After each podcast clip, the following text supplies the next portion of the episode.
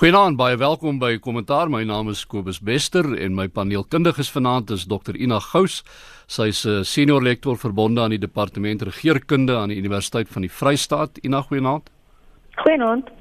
Uh Media 24 se men meningsredakteur is Gert van der Westhuizen. Hy is hier by my in die ateljee. Goeienaand Gert. Goeienaand Kobus.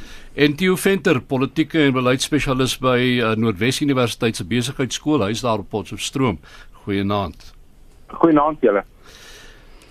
Ons uh, begin met 'n 'n storie wat ek dink die hele land uh, nou nog aan die skok is. Ehm um, en uh, ons gaan nie in die in die besonderhede van die data sodanig nie, maar eerder na sommige van die gevolge. En ek praat nou van die die sogenaamde dros verkrachting. Uh daai vir die verkrachting van 'n jong meisie. Ehm um, wat 'n sosiale media storm ontketen het uh wat toenemend vir my laat bekommerd raak oor wat dit kan doen of dit nie 'n ondersoek op die ouene kan in die wielery nie gerd. Uh, Natuurlik is daar baie mense wat so dink Tio en ek dink ag ag nou sê ek vir jou toe Tio jy's Kobus wat so sê en veral die regering het al ehm um, het ook gewaarsku daaroor. Jy weet maar in hierdie moderne era waar ons leef, die era van van van sosiale media, dis onmoontlik om iets stil te hou as ons kon kyk hierdie week was daar tientalle indien nie honderde ehm um, goed op Twitter daaroor en daar's video's gedeel. Jy weet daar's beskuldigings al klaar oor en weer geslinger soos byvoorbeeld daar's gevra hoekom die wit monopolie kapitaal media nie die ou ID nie natuurlik is dit teen die wet maar uh, daar is nou vandag besluit om hom te identifiseer jy weet omdat daar gevoel word is in openbare belang in die wet wat dit verbied is is is ongrondwetlik omdat dit mense weerhou om om om agter die waarheid te kom. Maar maar dit hou baie ehm um, ehm um, gevolge in dink ek vir ons in die toekoms oor hierdie goed gaan dink. Miskien sal die howe ook anders moet optree, jy weet, laat iemand dadelik pleit as dit so 'n sensitiewe saak is want die ou het al in die hof verskyn, hy het net nog nie gepleit nie. Maar aan die een kant ja, mens wil seker ook nie laat soos party mense sê dat die dat die dat die sosiale media alles dryf nie nie. Trial by media tipe hmm. ding, Ina. Wel ek ek, ek stem met hom saam. Dit dit dit begin al hoe meer invloed hê op op hierdie tipe van 'n proses en en mense wonder of dit moet. Ehm um, ek hoor baie van my kollegas hier ehm um, met die regsfakulteit praat dat die reg tot vryheid van spraak en die reg tot privaatheid ehm um, jy weet albei bestaan en dat hierdie regte uh, baie keer in konflik met mekaar staan nou wat sosiale media aanbetref. Hmm. En hoe dit gebruik gaan word. Ja, uh, Kobus, Kobus ons is eintlik half uh, gelukkig in die sin dat met die sosiale media se geweldige effek op die openbare mening ehm um, dat ons nie 'n jury stelsel het nie. Hmm. Kan jy kan jy jou hmm. indink in 'n reeds diverse land waar dit baie moeilik is om 'n jury te kry wat objektief sou kon staan oor enige iets soos in die Amerikaanse stelsel en jy sit die sosiale media bo op dit neer, dan word dit 'n nagmerrie. Maar ek stem met die ander twee saam. Die ehm um, die sosiale media prejudiseer baie keer die saak dit uh maak inligting beskikbaar. Ek weet hier in die Noordwes het een van die senior aanklaers al destyds oor oor die Kolini saak en 'n paar ander uh, mense gevra om nie alles wat hulle weet en sê en fotos en wat ook al te versprei nie want hulle belemmer die staat se saak. En as jy die staat se saak belemmer dan moet dit noodwendig op 'n onskuldige bevinding uitloop Jy weet maar aan die ander kant as mense nou kyk buite die howe na die rol wat sosiale media speel. Jy weet geen diktator wil eintlik vrye sosiale media hê nie want is dit nie maar waar die Arabiese lente begin het nie. Hmm. Jy weet mense en en en goed word so vinnig versprei oor sosiale media dat dit 'n heeltemal ander dinamika aangeneem het as in die ou dae. Ja, ek ek ek dink uh, waar waar die waar baie mense bekommerd raak natuurlik is nie uh jy weet jy jy die positiewe soos die Arabiese lente en jy kan baie positiewe goed met sosiale media regkry. Maar daar is 'n 'n neidigheid wat in party van hierdie goed ontstaan en uh, hmm. wat geen regverdigheid hoegenaamd hmm. in uh, in in in sy woordeskat het nie. Ja, ongelukkig. Ek dink die groot probleem kom as ek mag sê dit as dit kom by inligting wat nie geverifieer is nie wat die wêreld ingaan teen 'n verskriklike spoed en afleidings wat gemaak word wat nie gemaak moes gewees het nie. Ehm um, en ek dink daar begin 'n uh, uh, aspek van die reg ontwikkel waar uh, dit sou naamskending plaasvind op sosiale media dat die gevolge baie swaar gaan wees. En sou die feit dat dit wat gesê is of gewys is dalk self die waarheid is dit nie 'n verweer sou wees in 'n in 'n in 'n 'n hofproses nie. So ek dink dit is ja, die inligting is dit geverifieer en is dit 'n tydelik soos wat jy nou gesê het, uh, is dit nie al te vroeg nie, belemmer dit nie 'n saak nie of 'n proses nie. En gewone mense gaan hulle nie daaraan steur nie. So die regulasie daarvan uh, dit is 'n argument wat gevoer word. Ehm um, vir die regulasie daarvan wat ek nie 'n voorstander van is nie, hmm. maar dit is 'n argument wat gevoer word. Ja, baie koerante en en en media instellings het vroeër in die week ook gesê hoekom hulle nie die man kan identifiseer nie, maar mense op sosiale media wil eenvoudig niks daarvan weet nie. Maar dis baie waar wat wat Ina ook nou gesê het, jy weet. Ehm um, ongelukkig lei sosiale media ook tot die verspreiding van vals nuus, uh, fopnuus soos ons hmm. dit noem.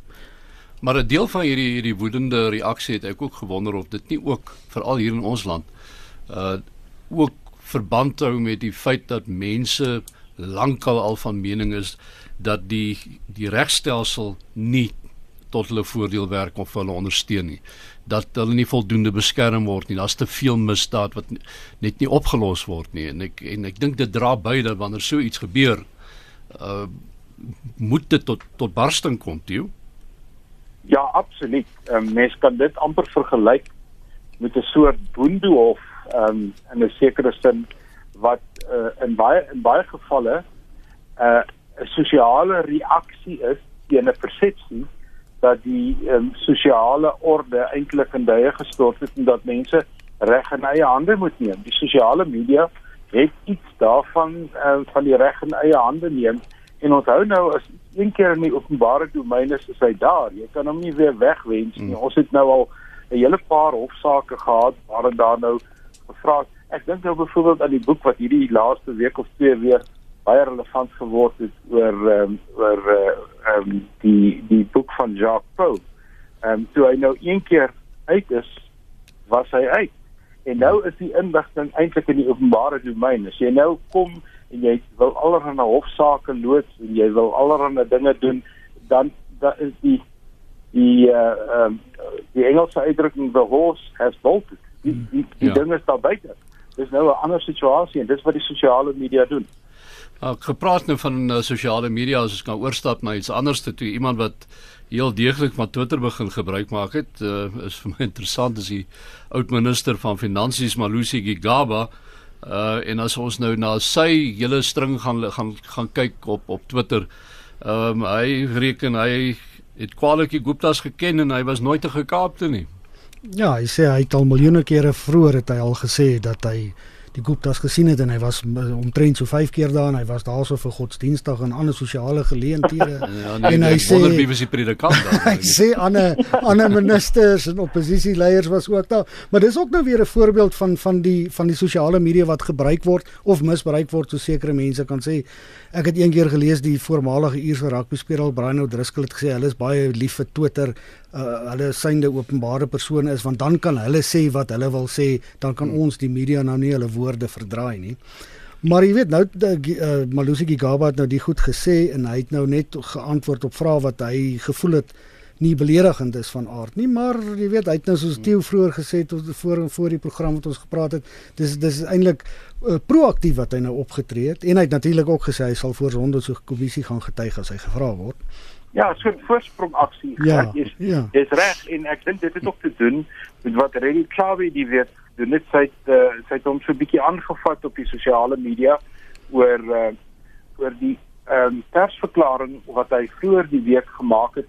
Een van die eerste goed wat voortgespruit het uit uh, Ramaphosa se stimulusplan wat hy bekend gemaak het net voordat hy um, New York toe vertrek het. En uh, ek is bevrees, ek het geluister na die persverklaring so stuk stuk en ek het 'n meer verwarde mens daar uitgekom as wat dit vir my duideliker was. So Maar hy het nou gesê hy wil nou vir Reddy uh, Klabi ook hm? nog uh, hof toe sleep op vernaamskenning. Ja. Hy wil, hy wil want die bewering wat hy gemaak het is dat die ehm um, besluit aanvanklik oor oor ehm um, die die die die visa vir kinders wat 'n baie moeilike proses is het veral te doen gehad met persoonlike sake aan sy kant wat hy natuurlik nou ontken het Dis nou 'n saak heeltemal op sy eie. Hmm. Maar ek het 'n idee die verwagtinge wat daar geskep is verlede week dat daar vinnig oplossings gaan kom um, ten opsigte veral van Malusi Gigaba se se se ministerie dink ek is so 'n bietjie ehm um, was so 'n bietjie teleurstellend en ek dink hy saam met twee of drie ander ministers op die oomblik veral wat Tabile Dlamini se se se se hou vas in die kabinet moet op baie baie dun ys wees. Ek wil nou nie mm. dun ys sê nie want net nou dan moet ek vir Ina in 'n in 'n dilemma daar uit Bloemfontein uit. Ina? Kyk ek ek as ek sy regsverteenwoordiger was, die daar was in nou, was ek nou baie bekommerd. Ek meen ja, dit is sodat hy die proses wou weet voorspring en en en en gedink het hy gaan 'n bietjie proaktief te kere gaan. Maar sou hy voor 'n sonderkommissie onder eet goeders moet sê en vra antwoord en is teenstrydig met wat hy byvoorbeeld getweet het. Hmm. Het hy probleme, groot probleme. En ek ek kan nie verstaan as hy dat hy dat hy weet nie om hom kyk en sien dat die dat die dat die net eintlik nouer word nie. Jy weet met met mense wat met die Gupta's te doen gehad het en bande gehad het nie. En ek sou op hele paar keer gedink het voor ek hierdie ehm um, die proses so sou aankeer en ek dink dit gaan in die toekoms vir hom groot probleme veroorsaak om die waarheid te sê. Was dit nie maar dalk 'n benoude sprong ook nie van iemand wat desperaat is dalk nie. Benoude katte. Nou ja. Ja. So, moet ja, kyk ja. watter kant is vir my volgende week. maar ehm um, kom ons daar was 'n ander belangrike wending op minstens 'n interessante een hierdie week. Uh, Um, julle sal onthou daar was vroeër jare het ons geluister na 'n groep uh, so orkes met die naam van BZN of band sonder naam. En skielik die week uh, het die oud president Zuma ook 'n stem sonder naam bekom. Uh, Theo, wat gebeur daar? ja, dit is 'n dis 'n baie interessante ding. Die uh, terwyl ons praat, weet ons nou eintlik nog nie wat die nasionale uitvoerende komitee en die nasionale werkskomitee hierdie naweek besluit het nie, want dit sou 'n baie belangrike ehm um, naweek vir hulle wees. Hulle moet besluit oor die mylpale rondom die lysstelsel, wie hoe hoe die proses verloop en wat ook al. En en hulle moet besluit oor die brief wat Ysmagashule geskryf het. Dit lyk so ehm um, waarin daar gevra word dat daar 'n nasionale hoofraadsvergadering gehou word want want takke ag um, provinsies wou dit graag doen maar hulle voel geïntimideer. Hulle kan dit nie doen nie. Dit is so asof hierdie innuendo van ouens wat eintlik Ramaphosa se se presidentskap wil bevraagteken, ehm um, dat hulle op 'n manier ehm um, hierdie ding in die in die NEC nasionale uitvoerende komitee se op sy agenda wou kry. Ehm um, wat 'n baie baie interessante ding is. Die die ANC waar ons op die oomblik sien um, is 'n organisasie met groot interne vraagstukke wat al hoe meer na 'n dilemma begin lyk. Met ander woorde, daar is nie 'n duidelike oplossing na een kant of aan 'n ander kant nie. Ons almal weet ys Magashule is op dun ys soos ek net nou ge, gespekuleer het. Maar dit lyk vir my asof die die top 6 of die leierskap in die ANC bang is om 'n duidelike stap te neem om vir Ysmael Gesule en ook ons oud premier Supramaya Mapelo uit te wys as die as die planmakertjies agter die skerm saam met oud president Zuma. Kom ons gebruik nou die regte term. En uh, dit lyk ook asof hulle bang is om op 'n manier vir Ramaphosa uit te druk. Nie een van die twee wil hê dit moet in hulle leierskapsperiode gebeur nie. En hier sit jy nou met 'n dilemma. Met ander woorde, nie een van die twee kante wil beweeg nie en dis hoekom ek nou al dikwels in die media die versigtiging gehoor het dat om die ANC se probleme op te los en om die land se probleme op te los is amper onder onderling uh, uitsluitend. Jy kan die een doen, maar nie die ander. Maar jy kan op die oomblik nie altyd doen nie en dis hierdie stem sonder jy sien in die brief uh Jacob Zuma en Ysbagashule se se vingerafdrukke maar dis asof hulle gesigloos is. Ina? Oh nee, ek ek, ek dink die lyn in die sand is lankal getrek. Tussen tussen um, ys en en en Cyril Ramaphosa om waarheid te sê. Veral na daai ehm um, vergadering of uh, byeenkoms wat hulle in KwaZulu-Natal gehad het. Ehm um, dit is 'n gevaarlike en moeilike tyd vir Cyril Ramaphosa dink ek. Ehm um, wat ek ek sien die hele ding in die konteks van die verkiesing. Ehm uh, van dat Cyril Ramaphosa president geword het en die hele proses teen Zuma uh voor dit en ook nou die versigtigheid waarvan Theo nou praat. Uh jy weet daar's 'n verkiesing wat voorlê volgende jaar. Enige beweging wat gemaak word, dink mense gaan die moet die minste skade doen aan die ANC ter wille van die verkiesing. En hierdie brief veral en hierdie dreigement van 'n hoofraad um, byeenkoms of vergadering voel vir my nou as swaard wat oor vir se kop gehou word om 'n half in lyn te hou om jy weet nie te veel teen een of ander faksie of een of ander persoon op te tree en nie te gou nie en nie veral nie teen die verkeerde persoon op te tree nie. Um, maar maar ja, ek voel Cyril Ramaphosa in die laaste maand of twee sterker geword, nie swakker. Sonder twyfel asof das asof daar 'n skuif is wat besig is om plaas te vind want ek het dit op baie goeie gesag dat Ysmaak Shule twee maande gelede aangebied het homself te bedank uit die top 6 uit. Hy hy hy hy eenvoudig op die top 6 sê kan hierdie druk en hierdie hierdie aantuigings nie meer hanteer nie en toe het die president vir hom gesê moenie loop nie. Nou wanneer 'n politikus aanbied om te loop dan is dit gewoonlik die teenoorgestelde wat hy in gedagte het. So mense moet op tussen die lyne lees en uh, nou kan iemand soos hy se Magashule omdraai en sê maar die president het gesê ek moet bly. Dis 'n baie komplekse verhouding wat hulle op die oomblik het. Maar was dit nie ook maar die geval met Ys uh, met met Supra Mamphele toe hy ook die eerste keer wou bedank het toe die president ook mos gesê jy moet eers 'n bietjie bly. En as ek julle nou kan herinner hmm. uit my ou studieveld van jare gelede, hoeveel keer wou Boetelesi al geloop het? En dan elke keer dan sê die kongres vir my nee meneer nie nou nie. Was dit nie dan gooi hulle stabiliteit en eenheid voor nê ja kyk ja. maar die ANC het seker vir Cyril nodig in 'n mate want hy's baie vir volgende jaar se verkiesing nou want hy's eintlik baie gewilder as die party is hy nie. Beslis. Ja, dit gaan interessant wees, maar kom ons los dit nou vir eers daar en dan kyk ons na nog 'n wending. Dis uh die Zondo-kommissie uh wat nou na die hele staatskaping ding kyk ook en uh, regter Zondo het nou beslis hierdie week dat uh, die sogenaamde Gupta leaks uh, e-posstukke as getuiestukke tot uh, die ondersoek uh, toegelaat kan word. En dit beteken die valke mag nou ook hierdie goed bekom uh, en sal dit nou kan gebruik in hulle ondersoek uh, na uh, na die hele staatskapingsproses. Wat 'n interessante wending kan kan meebring, hè?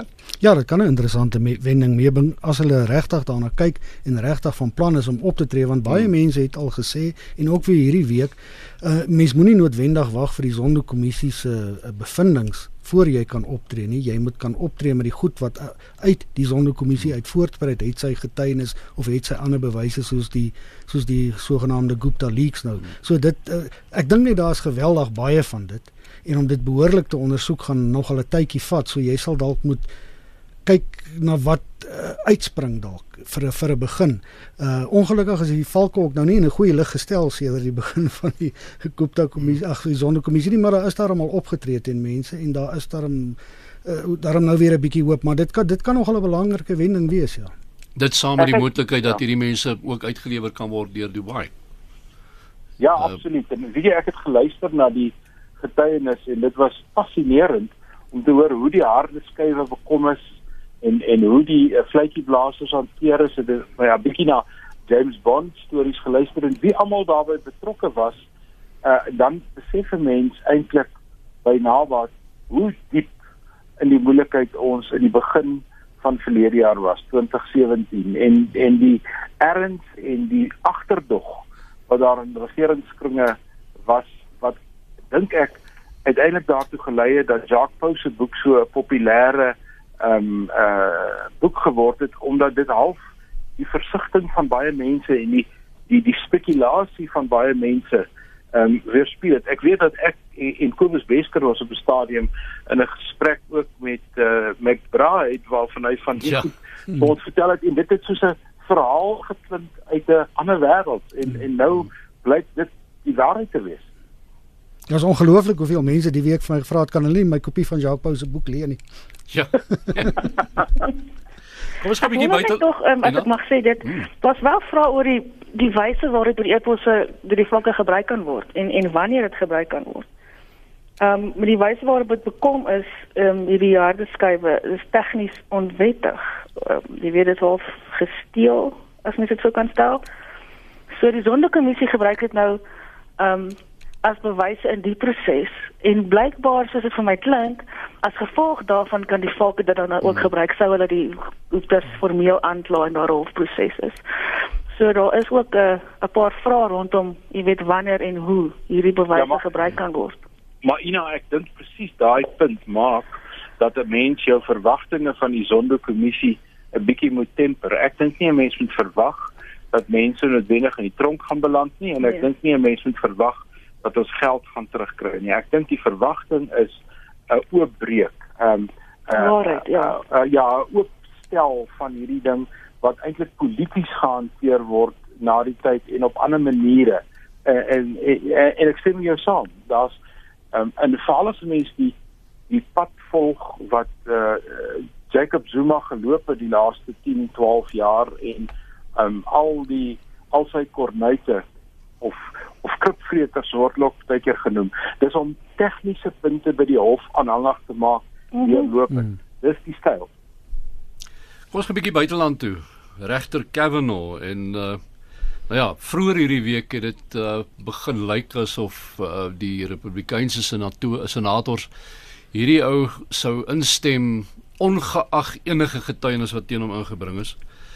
En ek dink hy het net begin ontspan waarskynlik in 'n sig van verligting gegee en toe draai een senator om en sê nee, maar hy dink die FBI moet hierdie ou daarom nog net daai aantuigings ondersoek. Toe jy het, jy het hierdie ding mooi dopgehou. Ja.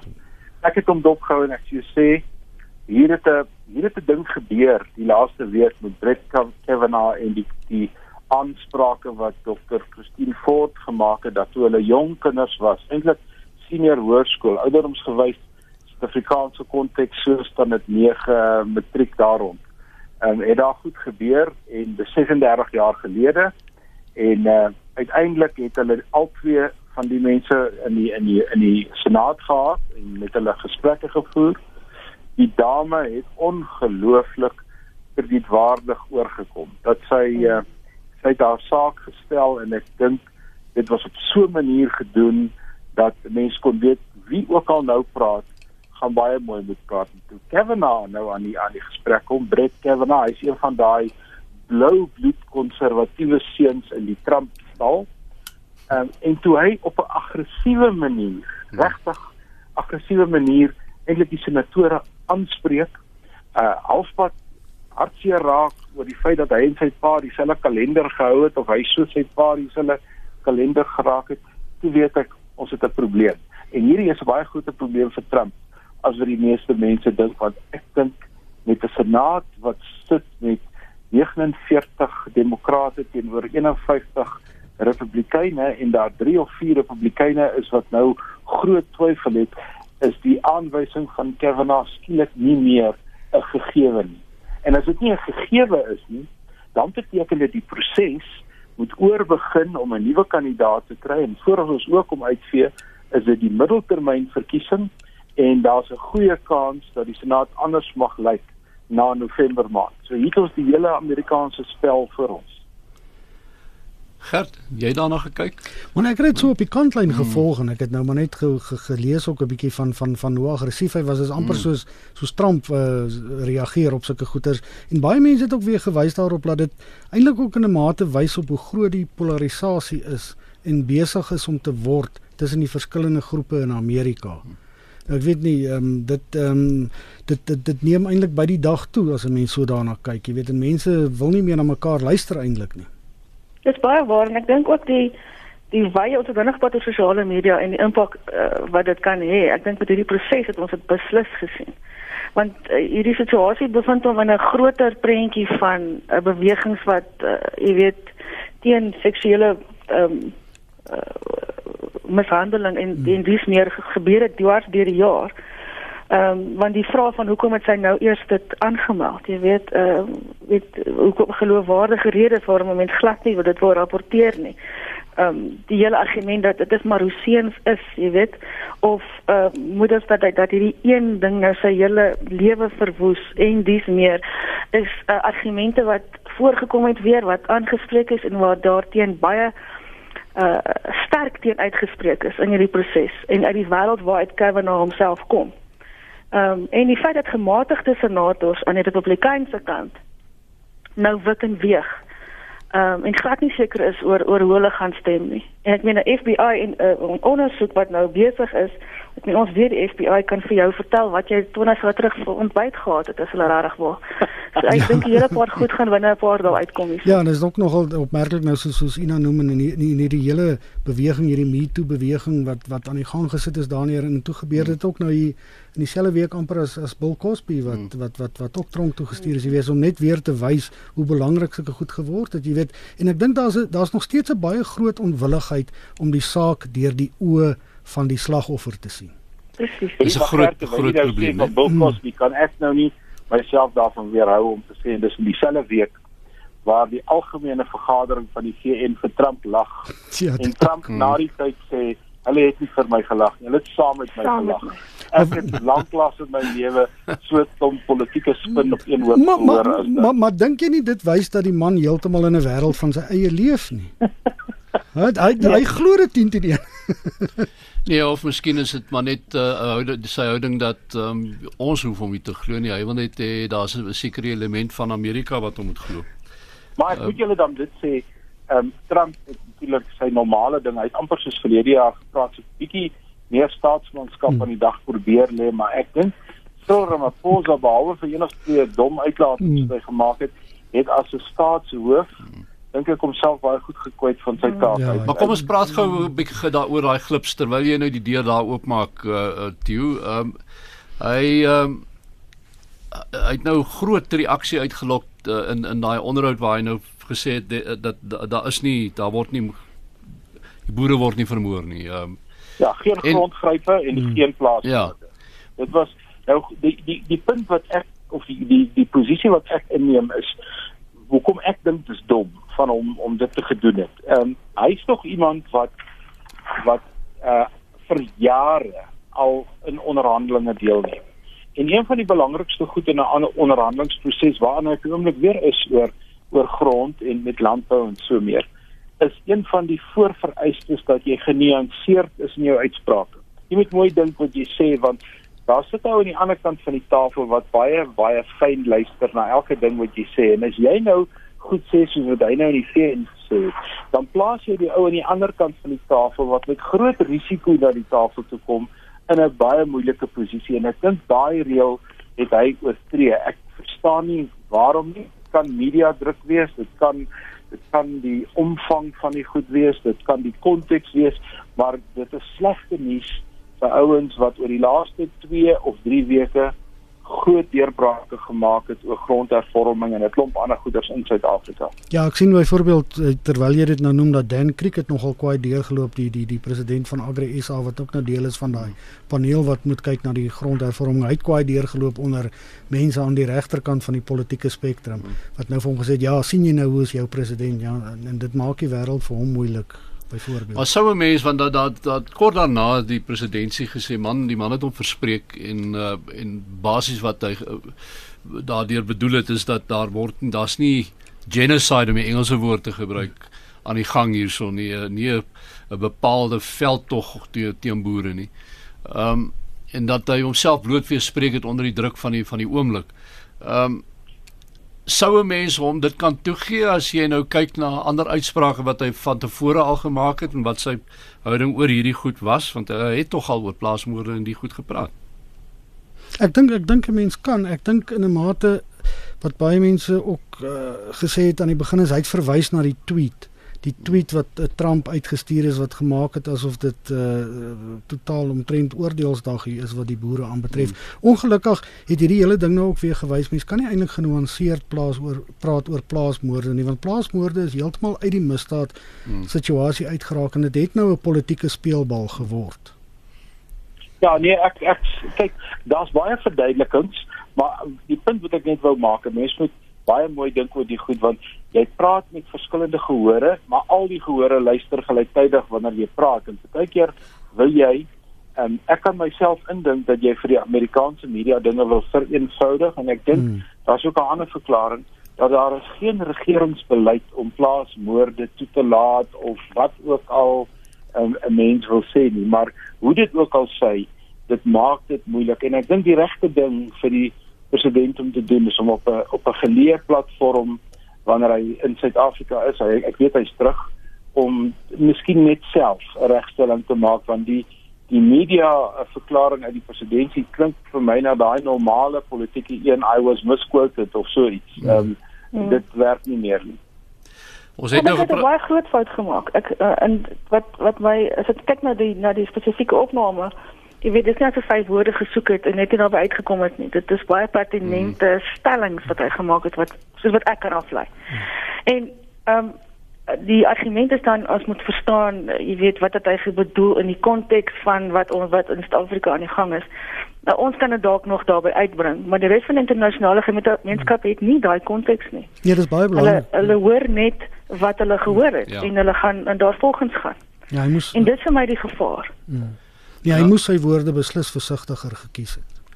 Terwyl grondonteiening ook nou op die tafel is, uh Die Nasionale Beplanningskommissie onder leiding van Nkosazana Dlamini Zuma nogal wat nou die regering uh, vermaan en sê hulle planne om uh, ten opsigte van grondonteiening is gevaarlik. Ja, en dis dieselfde week waar Ntabo Mbeki se brief op opslaa maak wat wat vir 'n mens sê, ehm um, die ANC het ehm um, in die hitte van die oomblik 'n besluit geneem by Nasrek. Ehm um, en en nou moet hulle hierdie besluit operasionaliseer en dit blyk om elke hoek en draai moeiliker te wees. Die sogenaamde onteiening sonder vergoeding wat maar eintlik net uh simbolies is vir die faksies in die ANC, die Engelse woord proxy waarvoor ek sukkel om 'n goeie Afrikaans te kry. En uh nou kom al hierdie verskillende faktore uit insluitend Thabo Mbeki se brief en uh, nou hoor ek uit sê al wat die ANC moet doen is om net getrou te bly aan die besluite van die 54ste kongres, maar ek dink eis as die sekretaris-generaal is verkeerd. Want tussen twee kongresse is die nasionale uitvoerende komitee die belangrikste besluitnemingsliggaam en daar's baie voorbeelde hoe die nasionale uitvoerende komitee in die verlede al ehm um, beleid ehm um, stukke wat die ANC aanvaar het, gaan wysig het hoe dit gelyk het of dit nie gaan werk nie. Ek dink hier is nog 'n groot debat voor oor hoe hierdie ding gaan loop vorentoe. Ina? Ja, ek dink die debat word tans gebruik vir politieke doeleindes.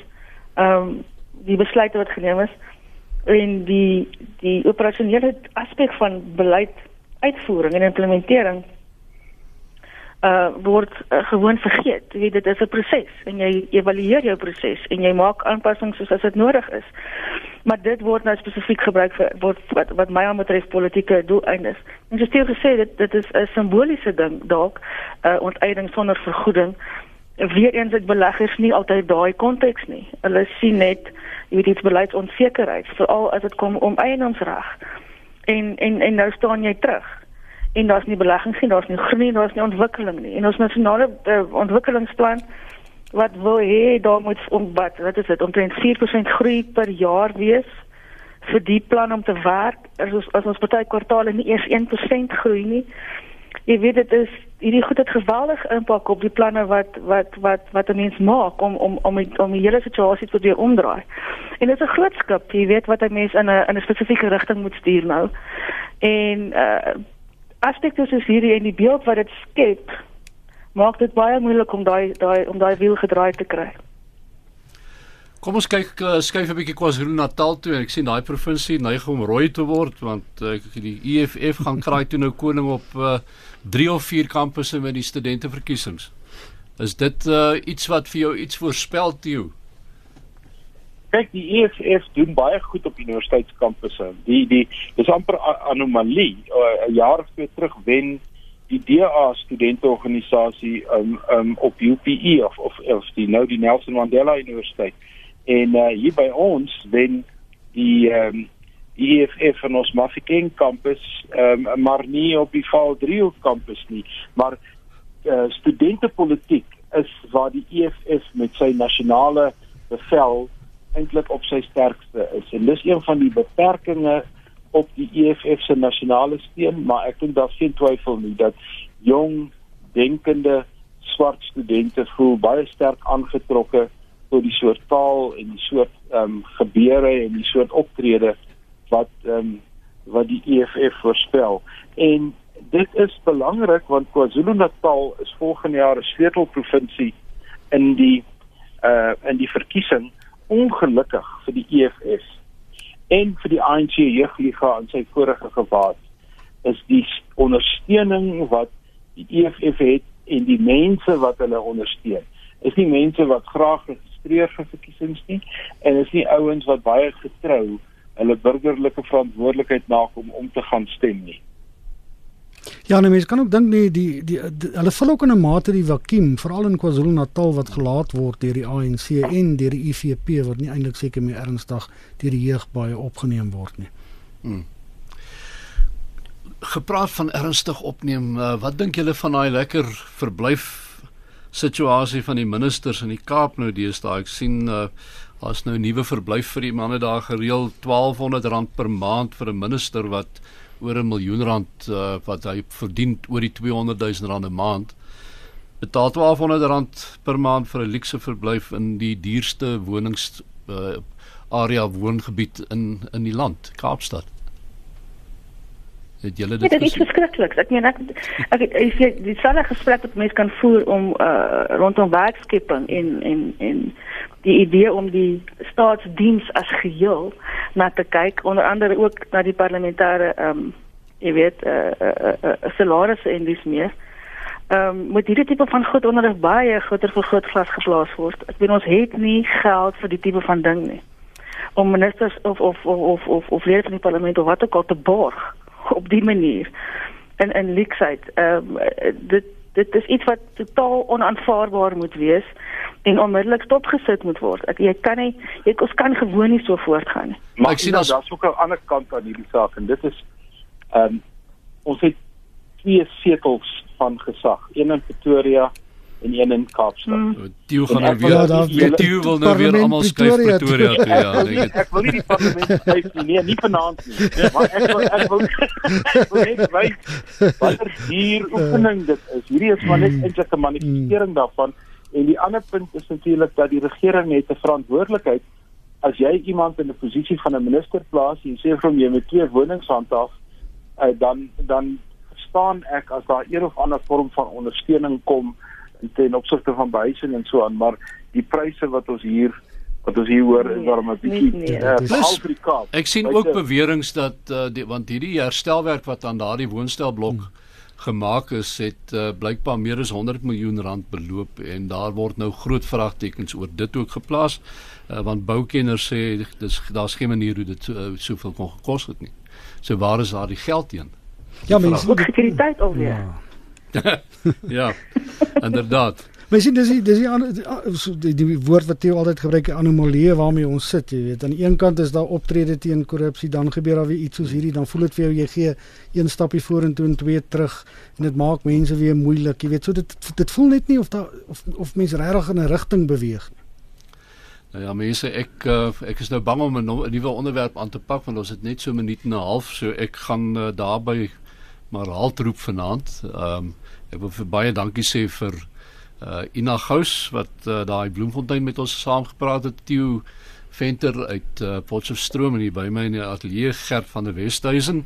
Baie dankie vir julle bydrae tot uh, kommentaar vanaand weer eens en uh my naam is Kobus Bester. Ek groet tot volgende Sondag aand 8uur. Totsiens.